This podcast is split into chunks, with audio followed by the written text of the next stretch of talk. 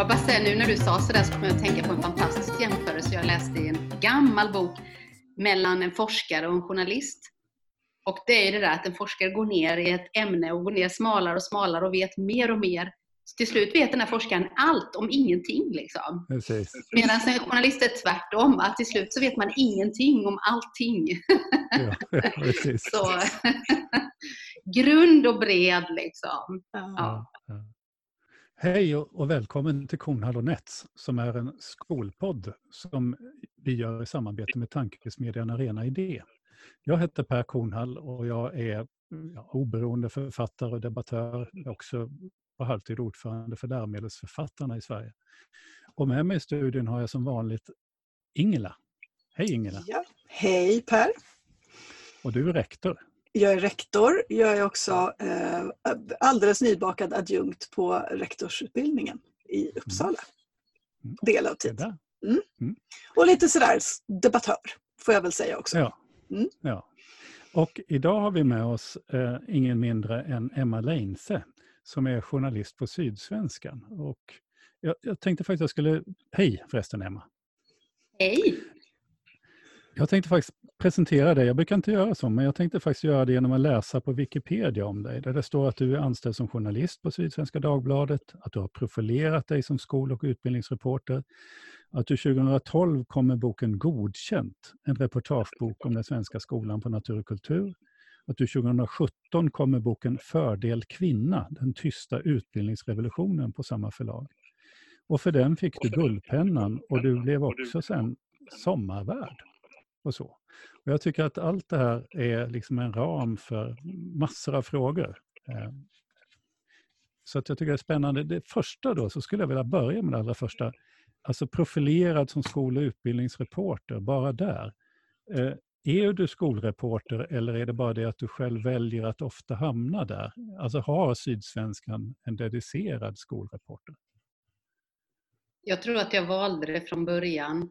Eller och, och sen har det liksom, jag har, jag har liksom ganska envist hållit mig fast i de frågorna. Så att jag har valt det själv som reporter.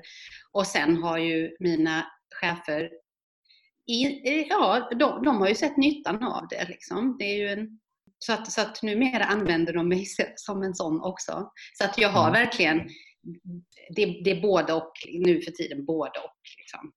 Mm. Hur många skolreportrar skulle du säga att det finns i Sverige överhuvudtaget? Om man bortser från lärartidningarna menar du? Ja, ja. jag tänker på de alltså dagstidnings, alltså vanliga media så att säga. Ja, men de jag känner till det är ju mig själv och sen är det ju eh, Ja, DN har ju en nu och eh, har ju i alla fall haft en i ett antal år. Så det är väl Ungefär så. så. Sen fanns ja. det ju någon va, på tv eller radio och så, men honom har jag inte sett till. Jag har glömt bort namnet också. Då, men... Jag tänkte bara att, att det här vi pratar ju om en av samhällets absolut största institutioner. Eh, mm. Där mängder, mängder av människor, som inte minst i de här eh, coronatiderna har visat sig hur betydelsefull den är för, för samhället i stort. och Så Så är det ju mm. väldigt få speciell, speciellt dedicerade reportrar. Är det inte det? Jo, absolut.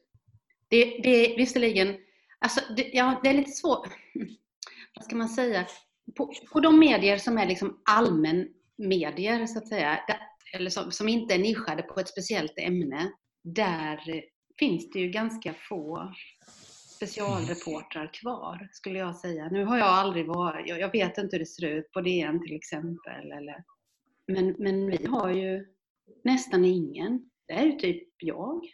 Det har, ju, det har ju delvis att göra med att vi har på våra redaktioner inom dagspress, som är det jag känner mest till, sparat i 20 års tid. Liksom.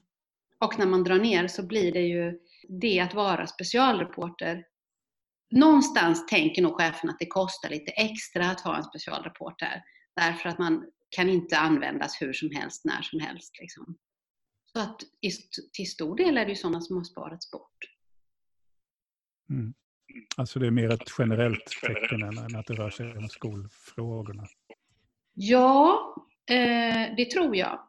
Och sen, Ja, men, men det, det, hänger också väldigt mycket ihop tror jag med eh, väldigt många man kanske inte tänker så, eh, att det ska vara så på stora redaktioner, men min upplevelse är att det handlar väldigt mycket om vad, vad själva, vad reporten som person är intresserad av också. Man kan styra ganska, ändå ganska mycket över, över sin tid. Liksom. Så eh, jag vet inte, det kanske inte är så många som är jätteintresserade heller. Och så tänker mm. man att skolan är någonting som eh, ja, men det bevakar man ju lokalt och så bevakar man det på ett annat sätt liksom, än, eh, än att man tittar på, på det som är gemensamt eller de större dragen eller så. Ja, jag glömde ju när jag säger att vi inte har en specialreporter. Vi har flera specialreportrar på Sydsvenskan som, handlar, som behandlar kriminalitet. Mm. Så om man jämför med det så kan man säga så här, ja, kriminalitet är ju en betydligt mindre del, av, mindre del av samhället som sysslar med det, men det är vi väldigt upptagna av jämfört med skola till exempel. Det tycker jag är himla trist och fel. Ja.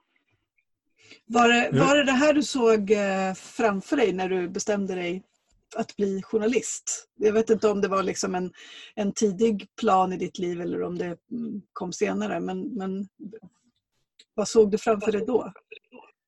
Åh, nej. Det fanns inte då. Nej. Jag, jag, det, det faktiskt, det började alltihopa, just det där med att, bli, att koncentrera sig på skolan.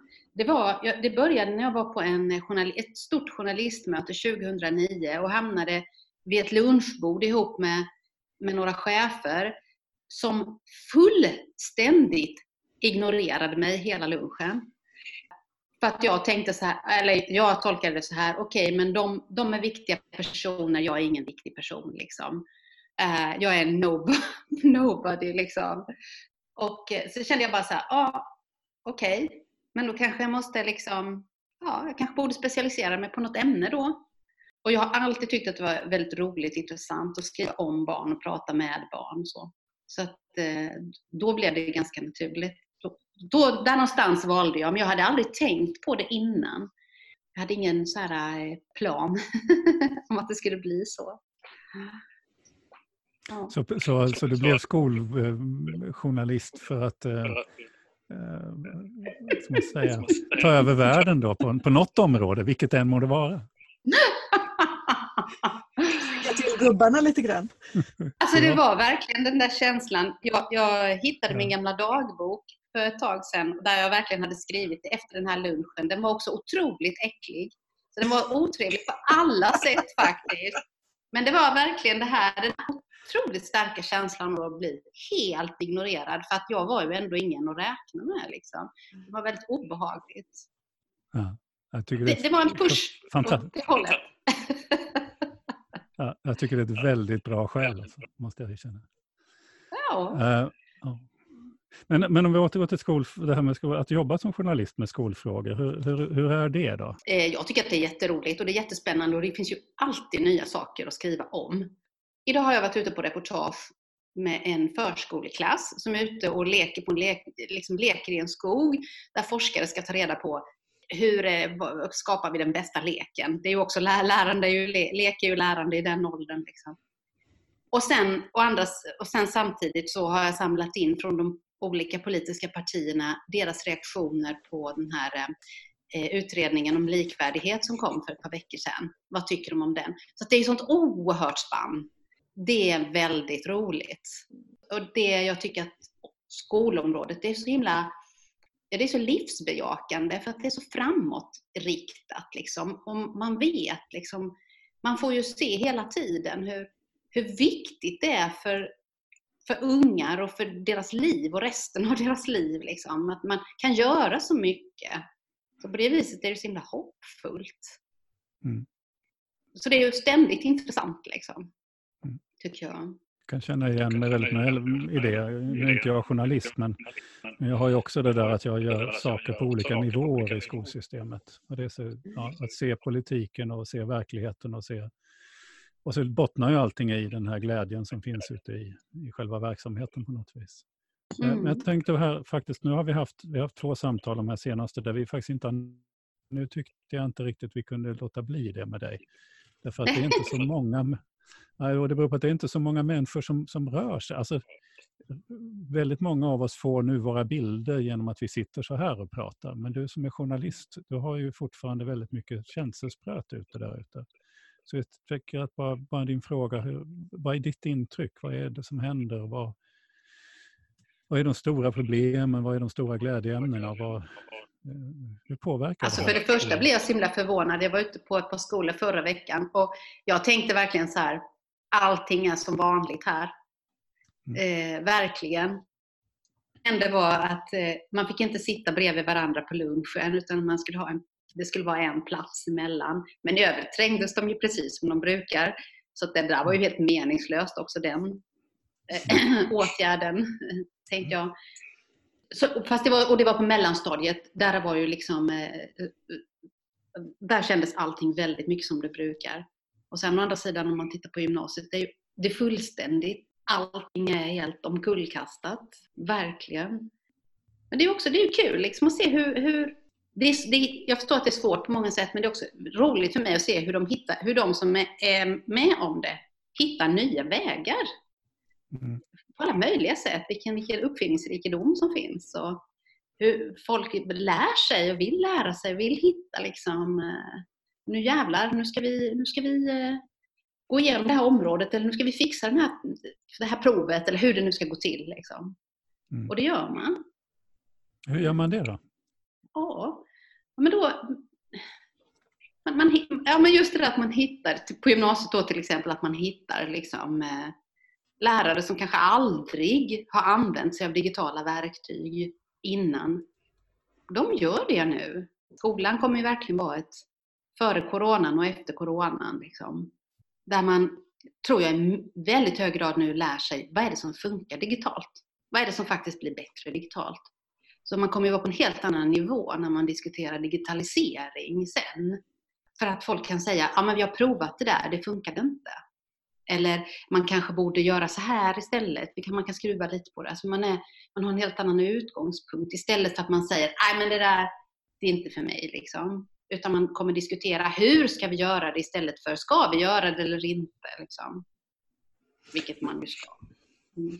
För där, där tycker jag att det finns en, en ändå liksom väldigt intensiv diskussion som jag hör och som känns som att den pågår intensivt i, i, sociala medier och i sammanhang där lärare möts och utifrån både fackligt håll och andra så att just det här att det finns en en, ehm, det, den må vara cynisk, jag vet inte, men en ganska stark oro över att, att ehm, att säga, maktnivån av skolan eh, oavsett nu om den är, eh, drivs i kommunal regi eller av, av andra typer av huvudmän, att man ser det här att det faktiskt går att undervisa elever fast de inte är på plats. Att det liksom blir en jättebra ingång till att spara pengar och, och, spara in på lärare och spara in på personal och så vidare.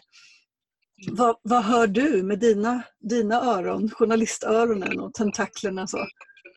Ja, men jag hör samma sak. Absolut. Det är ju bara, det är precis i sin linda nu. Liksom. Men de som tror att de ska spara massa pengar på digitalisering, jag, alltså, jag tänker så här, men hur, var ser de det? För att när jag pratar med lärare som har lektioner nu i gymnasiet på distans till exempel. De behöver ju i ännu högre grad än förut förbereda sig ordentligt. Man måste komma jäkligt väl förberedd till en eh, danslektion för att den ska funka. Och då tänker jag så här, men vad, vad är besparingen i det? Men det är klart att det kommer bli en kamp om, eh, om det. Det är ju en intressant, det du sa om maktförskjutningar. Jag har ju sett alldeles, vi har lite resultat för nya undersökningar när det gäller läromedel. Det är väldigt tydligt att makten över de digitala läromedlen ligger hos rektorer och huvudmän.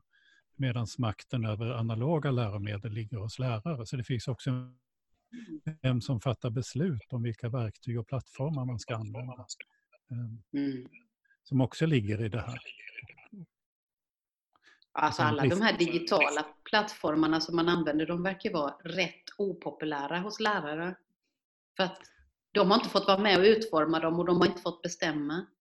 Det är ju en väldigt oroväckande trend mm. då. Mm.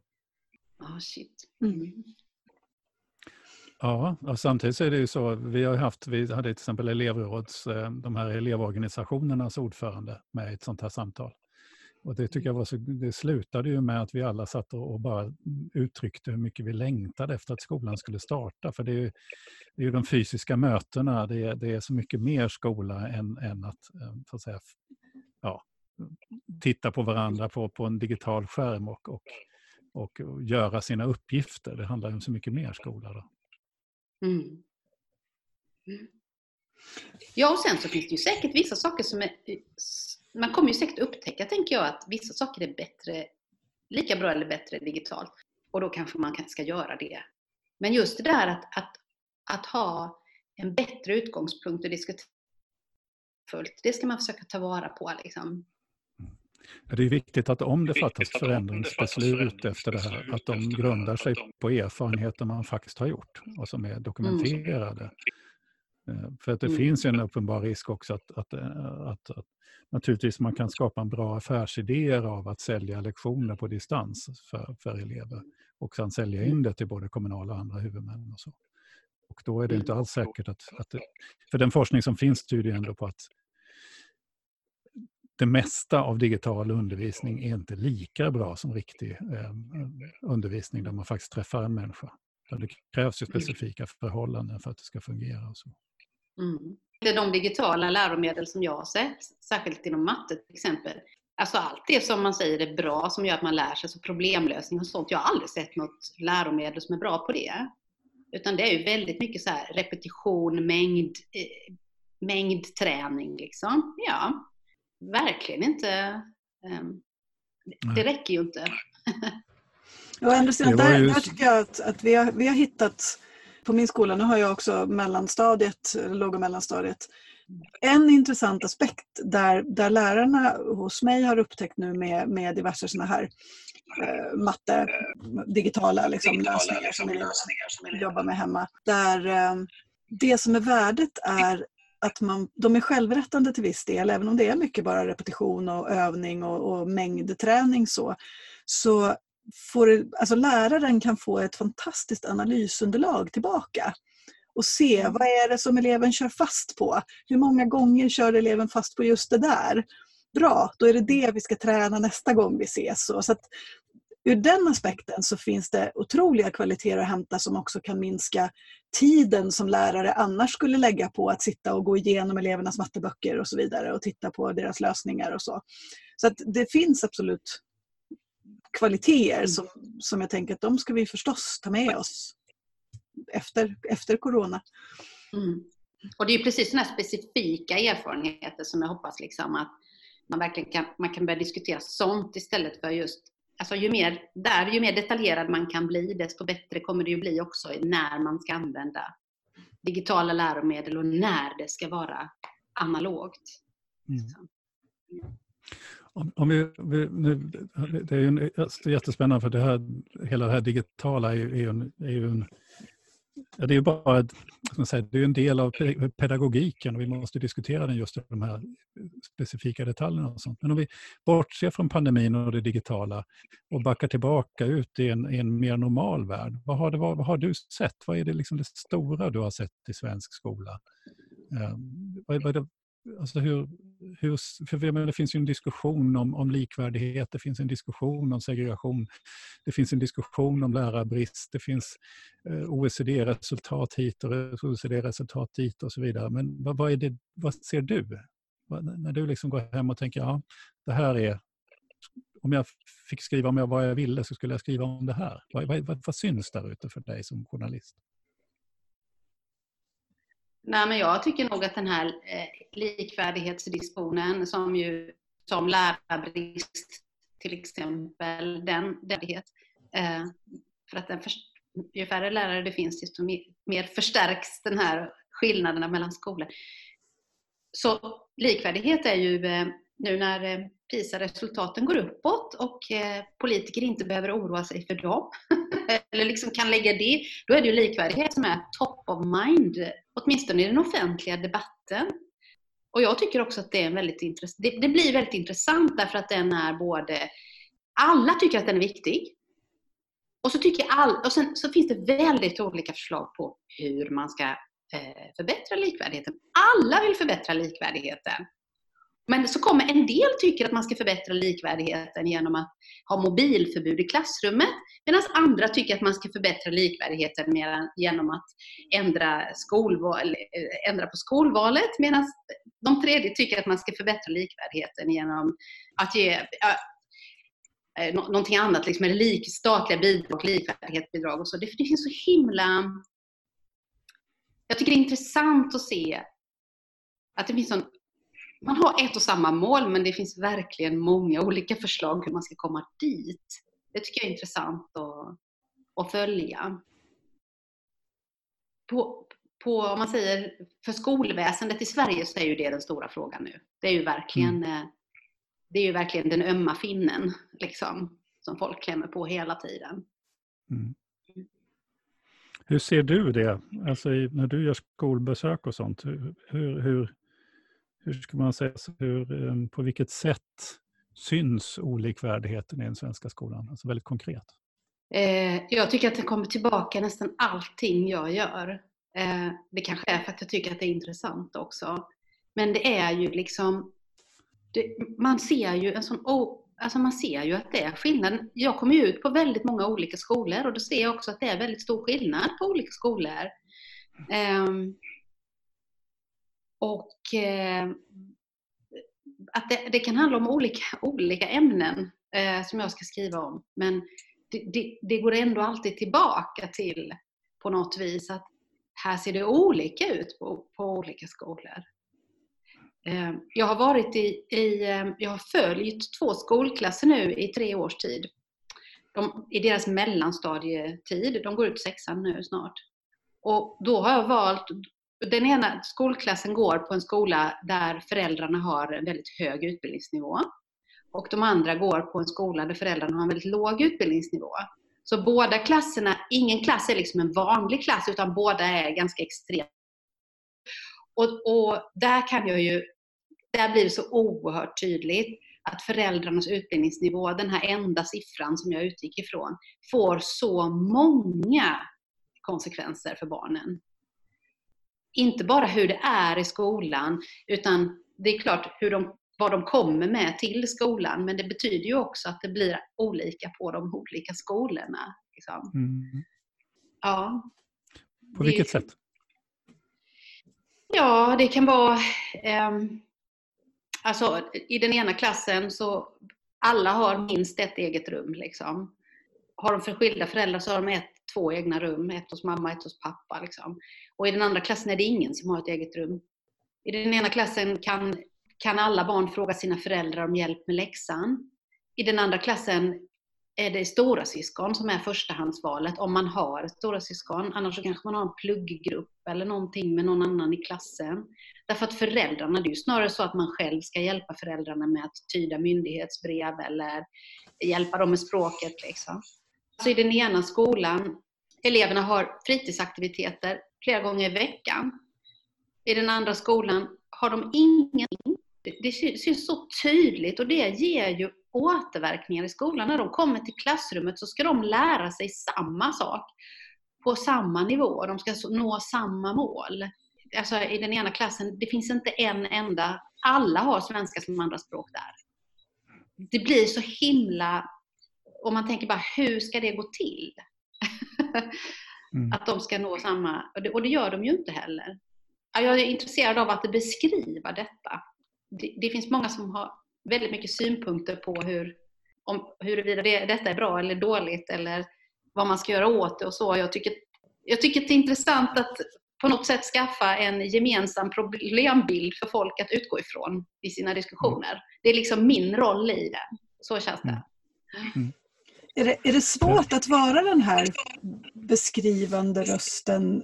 Alltså blir du utsatt för påtryckningar? För det finns ju naturligtvis väldigt mycket eh, både liksom politisk nivå och på andra nivåer där, där vissa, vissa berättelser liksom vill man helst inte höra eller inte på det sättet eller med den vinkeln eller ingången. Så. Mm. Um, Nej, inte, inte, så, inte påtryckningar på det. Det är mest läsare som ibland säger så här, men vad tycker du? Liksom. Och jag bara, ja men det, det, spelar ingen roll vad jag tycker. Det är, inte, det är inte det som är min uppgift. Och jag känner verkligen, det är inte det viktiga. För det är så många som tycker saker. Det är inte det jag kan bidra mest, bäst med. Liksom. Men sen, om man ska prata påtryckningar eller att folk vill påverka. Jag kan ju uppleva att det är inte alltid folk vill att jag ska kunna beskriva det som jag gärna vill beskriva. Alltså det är inte alltid jag får lov att komma till skolor och besöka skolor. Därför att jag förstår ju att rektorn tänker att här, det här kan bli något negativt för min skola. Och så säger de nej. Liksom. Det, det händer ändå ganska ofta. Så på det viset eh, har, man, har jag lite att jobba med. Liksom, att, att faktiskt kunna ge den beskrivningen. De här två klasserna som jag, som jag ju har följt och som jag berättade om. Jag fick fråga väldigt många skolor eh, innan jag fick lov att komma till en klass. Och där var det inte de lågutbildade elevernas klass som jag, det var svårt att komma till, fram till, utan det var de, den här skolan med många högutbildade föräldrar. Därför att jag tänker så här, ingen skola vill framstå som att de liksom åker på någon gräddfil här. Utan alla vill ju framstå som att vi har fått de här framgångarna därför att vi jobbar så bra och så hårt. Inte för att våra elever, vi bara har fått allt gratis för att våra elever är lätta. Det är just, alltså, så det var väldigt svårt att få komma in på den skolan. De ville ju inte, de ville ju inte ha den, de vill inte vara, framställas positivt på det sättet. Liksom. Ja, så det kan bli, det kan vara ganska svårt att hitta, att hitta de människorna eller de skolorna som jag gärna vill kunna beskriva ett skeende genom. Är det skönt, jag sitter och tänker, är det skönt att vara den här journalisten och slippa egentligen ta ställning, utan bara kunna få vara spegel och känna att ja, det här är min roll? Eh, alltså jag tycker att du, eh, med det vill jag säga att jag tycker att du gör det eh, på ett fantastiskt sätt. Det är därför bland annat vi har bjudit in dig. Men, men, men rent personligt, är det skönt att slippa det där personliga ansvaret? Att bara vara en spegel? Ja, det tycker jag. Ja, men alltså det är ju det. Jag, jag tänker också, det är, ju, det är ju så, nu har jag jobbat som journalist i 25 år. Och det är ju det man får lära sig, det sitter ju i ryggraden. Liksom. Att man ska försöka, vi har ju ett antal olika etiska regler för att vi ska försöka vara objektiva. Om, man, om någon ger en viss beskrivning kring en konflikt så ska man också låta den andra sidan komma till tal. Så det finns ett antal sådana regler liksom som vi, etiska regler som vi ska följa för att vi ska försöka ge en neutral beskrivning av verkligheten. Liksom. Och det sitter så fast. Jag har, svårt att liksom eh, gå ifrån det nu. Jag vet när jag, skrivit, när jag skrivit mina böcker så är det ju folk runt omkring mig som har sagt, men nu måste du liksom, nu, för där kan jag ta ut svängarna lite mer. Det har varit svårt att göra det, tycker mm. jag. När vi pratar om böcker då, så tycker jag inte vi kan gå förbi den här Fördel kvinna. För det är ju ett väldigt, eh, det är en väldigt spännande spaning som du gjorde där, eller en observation, just att spegla någonting som faktiskt pågår. Då. Kan du säga någonting om, om vad den handlar om, vad det, är, vad, det är du, vad det är som pågår egentligen i samhället och som du har skrivit om? Ja, där har jag utgått från de här uppenbara könsskillnaderna som finns i resultat mellan tjejer och killar som är så envisa och som finns genom hela skolsystemet och som resulterar i att tjejer utbildar sig mer än killar idag. Och jag, har, jag frågade, min utgångspunkt var väl hur påverkar det samhället när tjejer drar ifrån i utbildningsnivå? Och jag lärde mig otroligt väldigt mycket under den, medan jag gjorde den boken. Eh, det var, fanns verk, jag hade verkligen inte svaren i huvudet eh, från början. Liksom, utan det var väldigt eh, intressant att göra den också. Och eh, där jag bland annat förstod hur mycket en misslyckad skolgång, särskilt för killar, hur mycket vi ser av den i samhället idag i form av kriminalitet och extremism och näthat och, mm. och eh, antidemokratiska krafter. Liksom. Sånt som politiker älskar att prata om. Och som väldigt, väldigt ofta bottnar i en misslyckad skolgång. Och att det just är killar eh, mm. som liksom deras manifesterar sig på det här destruktiva sättet. Liksom, som, är det som gör att andra också dras in i deras eh, eh desperation, eller utanförskap. Liksom. Det tyckte jag var himla intressant att förstå. Mm. Det är ju sånt där som vi har jättemycket data på egentligen, men, men som du säger att, att vi är intresserade av effekterna men kanske inte var det uppstod någonstans. Jag, med, jag kommer ihåg när Socialstyrelsen lämnade den där socialrapport 2001 eller något sånt där. Där de ju samkörde elevresultat med, med, med just eh, register över kriminalitet och självmord och allting. Och de, deras slutsats var ju att det var ju en enda faktor som var alltså nästan, jag tror 10 eller 15 gånger hade högre förklaringsgrad än allt annat och det var slutbetyget i årskurs 9. Alltså mm. betydelsen just av det du beskriver, betydelsen av att misslyckas med det här skolprojektet eller socialiseringen i skolan. Mm. Och det, så, så det är ju rätt märkligt att vi hamnar där. Mm. Att vi inte kan ta det på allvar, så att säga. Jag tycker inte man tar det på allvar, för då tycker jag vi skulle lägga mer resurser på att lösa den knuten. Ja, självklart.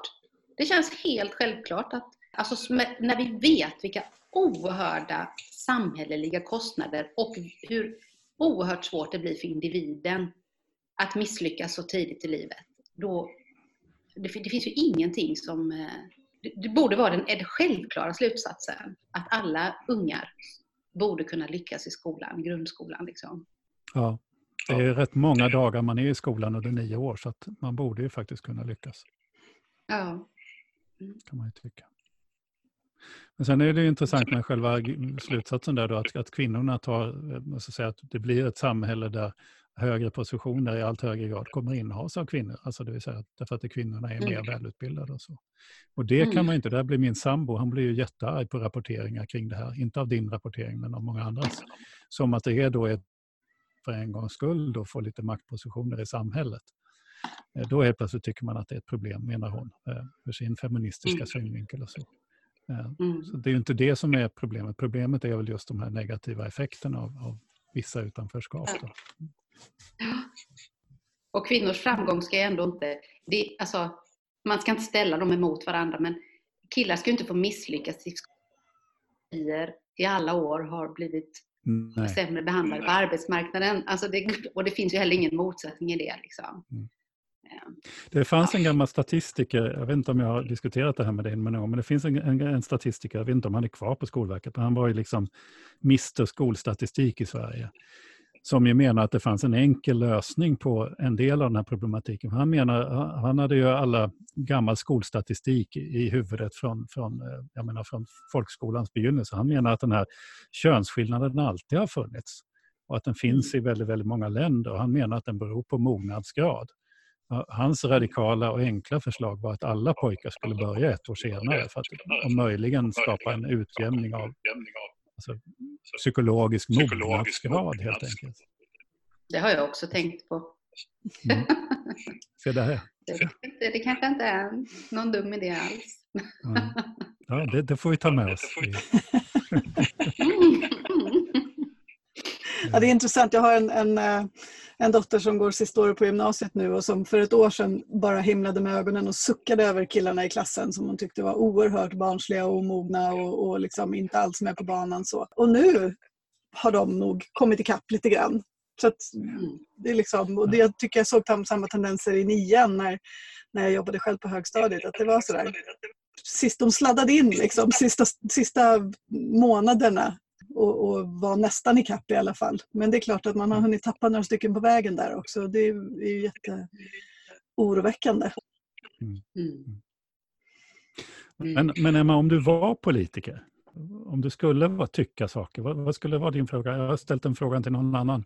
Uh, om du nu var eh, utbildningsminister i en regering med absolut majoritet och kunde genomdriva en reform, vilken skulle den vara? Oj. Alltså, jag, jag skulle nog i alla fall säga att det, det första och det viktigaste, det behövs, det, och det behövs ingen utbildningsminister för att göra det faktiskt. Det behövs inga nya lagar eller så. Utan det är att se till att ett, alla barn lär sig läsa bra och snabbt i skolan. Två, att de som behöver särskilt stöd får det direkt man upptäcker det. Det tror jag hade varit liksom, eh, det tror jag också är en sån där sak som alla är överens om. Men hur skulle man ha en reform som skulle garantera det här stödet? Hur skulle en sån reform eh, konkret se ut? Nej, men jag tänker ju lite att med lågstadiebarn ska man inte Alltså nu, nu vet jag att allt inte handlar om resurser, verkligen inte. Men jag tror att med lågstadiebarn skulle man inte titta på pengar utan man skulle se så här. Där skulle man verkligen, istället för att ha någon sån här gräns i nian för ni, om ni inte klarar den här så får ni inte komma vidare, så skulle man ju ha den i tvåan. Liksom. Där ungarna inte fattar vad det handlar om, utan där det är lärarna som verkligen bara, de ska bara få, de ska få alla ungar att komma vidare. Då tror jag inte bara att ungarna har, de, de kommer till en viss kunskapsnivå, ja, men det viktiga är att de från början får lära sig att här i skolan kan jag lyckas. Liksom. Det är ju mycket viktigare på längre sikt för att mm. få dem att lyckas till slut. Så någonstans det... där. Alltså det här med att lärare ska ha en sån ordinationsrätt eller hur man nu säger. När lärare, lärare säger att nu behöver den här eleven särskilt stöd. Det, det är ju en sån sak jag verkligen skulle stödja då som politiker faktiskt. Precis. Det är precis en sån sak som jag har sagt genom många, många år, att den makten skulle läggas väldigt tydligt hos lärarna. Eh, mm. Alltså en ordinationsrätt. Och det liknar ju mer det finska väldigt framgångsrika systemet. Mm. Mm. För, För vi vet, vi vet att andra skolsystem kan göra gör detta och då kan vi också. Mm. Det handlar ju inte om något annat än att vi bara måste göra det då. Nej. Där finns ju också en... en maktförskjutning då faktiskt. Mm. Ja. Därför, jag tycker att det finns en intressant uh, koppling till uh, ett samtal vi hade i ett tidigare avsnitt med Åsa Hirsch och Anette Janke som har tittat på en specifik gymnasieskola och då alla insatser som har gjort och ändå så har inte elevernas resultat förbättrats som man hade tänkt sig. Eh, där ju en, en liksom observation är att lärarna, och då, nu pratar vi i och för sig gymnasiet, nyss pratade vi kanske framförallt om lågstadiet och det är klart att det är skillnad. Men, men jag tänker att, att det kanske inte är orimligt att tankesättet ändå finns där någonstans kollektivt. Att att, att lärarna tycker att men jag undervisar på det sätt som jag tycker passar och, och sen så är det någonstans barnens problem om de inte tillgodogör sig undervisningen. Och det är ute efter mm. det, finns det en risk att om lärare hade makten att alltid liksom ordinera utan att någon först ifrågasätter, men vad har du gjort? Hur har du mm. anpassat din undervisning efter elevens behov? Så, så, och jag tänker att det kanske är där som, som hela den här pendeln som har slagit mellan liksom, mm, total inkludering eller liksom specialklasser och, och speciella skolor någonstans mm. ständigt slår liksom i antingen ena eller andra åt andra hållet. Mm. Men, men där tycker jag alltså inte, för då lägger du det på att det är läraren som ska lära sig någonting. Alltså om inte läraren har lärt sig det här så att bara det här barnet fortsätter gå kvar i den skolan, i den undervisningen, tills den där läraren har lärt sig det. Men i det här fallet tycker jag det som Emma pekar på, det är barnets rätt att lära sig. Och då spelar det skitsamma om den här läraren inte har lärt sig. Om den läraren inte lär det här barnet att lära, ja då ska den kalla på stödinsatser för det är barnet. Och barnets läsinlärning som är, som är det viktiga, inte lärarens förmåga. Alltså det, det är en sån förskjutning tycker jag ändå. Ja, ursäkta, jag undrar om du har någon åsikt Emma? Ja. men jag, jag, tänker att man måste alltid, man måste alltid ha eh, ansvar i förhållande till vilken behörighet man har. Ju mer makt en lärare får över sina elever eh, eller över sitt arbete, desto mer kan man, desto mer kan man också säga, eh, kan man också kräva av läraren, tänker jag. Men du kan inte, alltså det där med befogenheter och ansvar måste gå hand i hand. Liksom. Och jag tycker absolut man ska kräva av lärare att Eh, de ska utveckla sig och så vidare. Alltså, men det är lite som Per säger, för ett enskilt barn så kanske det inte räcker just nu. Liksom. Och då ska inte ett barn behöva lida för det heller. Emma, vi måste börja runda av lite grann.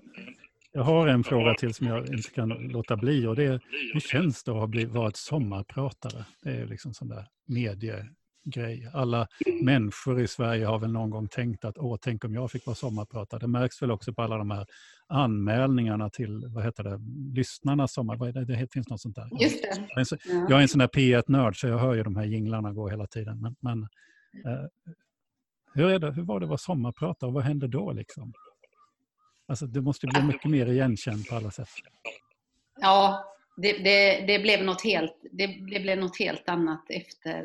Jag har, jag har aldrig någonsin varit med om ett sånt genomslag för någonting jag har gjort innan överhuvudtaget. Och då har jag ändå skrivit böcker och skrivit väldigt många artiklar. Så det är liksom, de har en helt unik kanal. Och det som också var unikt, det var att alla som hörde av sig var positiva. Mm. De var så här, åh det var bra liksom. Alltså det fanns, det var inga surhuvuden alls. Och det tyckte jag var, det var ändå ganska konstigt faktiskt, för det brukar alltid vara liksom, ja det är, det är folk som hör av sig med både ris och ros i vanliga fall. Liksom. Eh, men det brukar vara ganska jämnt fördelat ändå. Men här var det liksom bara en enorm våg av liksom pepp. Det var helt fantastiskt faktiskt. Ja. Vad skönt. Eh, ja, det var jättehärligt. Och sen det gav också, jag var helt utsliten hela hösten för att det gav också väldigt mycket extra mm. arbete. För att man ville ju gärna svara alla som hörde av sig och undrade vad jag tyckte om det mm. ena och det andra. Liksom. Mm. Eh. Mm. Men jättestort tack för att du var med oss, Emma Leisner, eh, reporter på Sydsvenskan. Tack för att jag fick vara med, ja. vad roligt. Ja, vad säger du? Ja, men jag som själv närde en, en uh, dröm om att bli journalist i väldigt många år. Alltså jag kan verkligen förstå alltså när Emma säger att det, det, är liksom både roligt och inspirerande men också skönt att få ha den här betraktarens roll så kan jag ju på ett sätt liksom bli avundsjuk på det och känna mm. att, att det måste vara fantastiskt att få, få, få välja vad man vill liksom betrakta och titta närmare på och beskriva och berätta om. så. Men det bygger Men, väl lite grann på att man just har eh, etablerat en sån roll som hon har gjort, att hon faktiskt kan välja. Exakt. Exakt. Och jag tänker att just förmågan att under så lång tid och många år också vara så liksom fullständigt kompromisslös med att, att hela tiden vara, vara den objektiva blicken eh, med stor respekt för, för det man tittar på och beskriver. Eh, för min uppfattning är ju att Emma har väldigt stor respekt liksom, i alla läger på något vis i, i skoldebatten. Mm. Just för att hon, hon, hon gör det väldigt skickligt. Mm. Med stor integritet hela tiden. Ja men verkligen, mm. verkligen.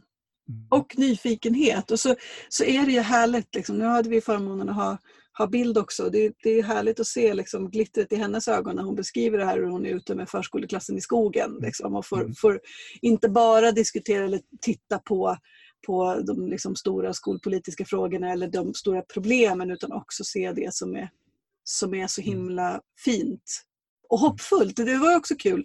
Även Emma använder uttrycket hoppfullt. Vi har återkommit till det ganska många mm. gånger nu i olika mm. samtal. Mm. Sen är ju det här som hon belyser i, i den här Fördel kvinna, där det är ju dramatiskt. Både liksom mm. könsskillnaderna i sig, då, men, men det är också konsekvenserna i samhället av pojkarnas skolmisslyckanden. Mm. Som ju inte är för att man tycker synd om pojkarna, utan det är ju därför att samhället far illa av att vi inte tar hand om det här. Mm. Individerna så att säga, på, mm. på, på ett bra sätt. Mm. Så hon har inte heller, det tycker jag också är varit spännande med Emma när jag följt henne genom åren, är också att hon har ju aldrig backat från de svåra frågorna. Hon Nej. har verkligen åkt ut och gjort reportage om, om, om tuffa saker. Eh, mm. Men alltid med den här integriteten och journalistiska blicken. Mm. Så det är ja, jättespännande att mm. prata med henne.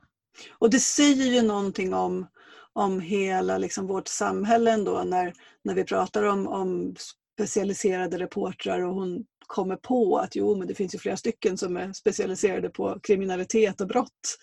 Ja. Men, men liksom nästan ingen annan som är specialiserad på en av de absolut största samhällsinstitutionerna som skolan mm. är. Och det, ja, det, är, det bara det säger någonting om vår samtid. Mm. Absolut.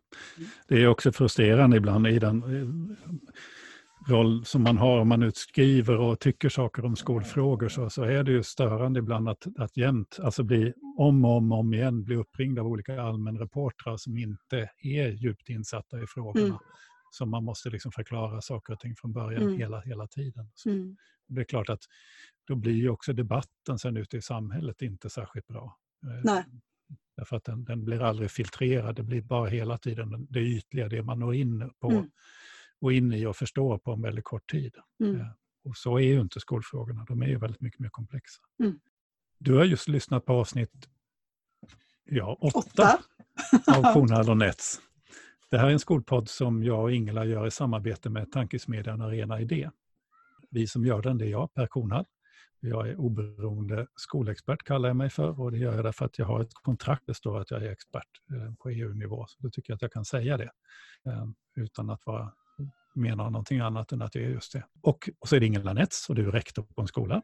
Mm. Och i varje avsnitt så intervjuar vi en eller fler personer vars kunskaper, position eller arbete är intressant för den svenska skolan. Om du har en önskegäst eller om det finns frågor du vill att vi ska ta upp i podden så hör av dig. Du kan hitta våra kontaktuppgifter där du har hittat den här podden. Och vill du inte bara lyssna så finns vi också faktiskt som en videopodd för vi spelar in de här samtalen i Zoom. Eh, och den ligger då på Arena Idés hemsida. Vi kanske den här gången ska be om ursäkt också för ljudkvaliteten. Här I coronatider så spelar vi in via länk och det är inte alltid det blir 100% Men med det säger vi tack för nu och så hörs vi snart igen. Hej då! Det gör vi. Hej då!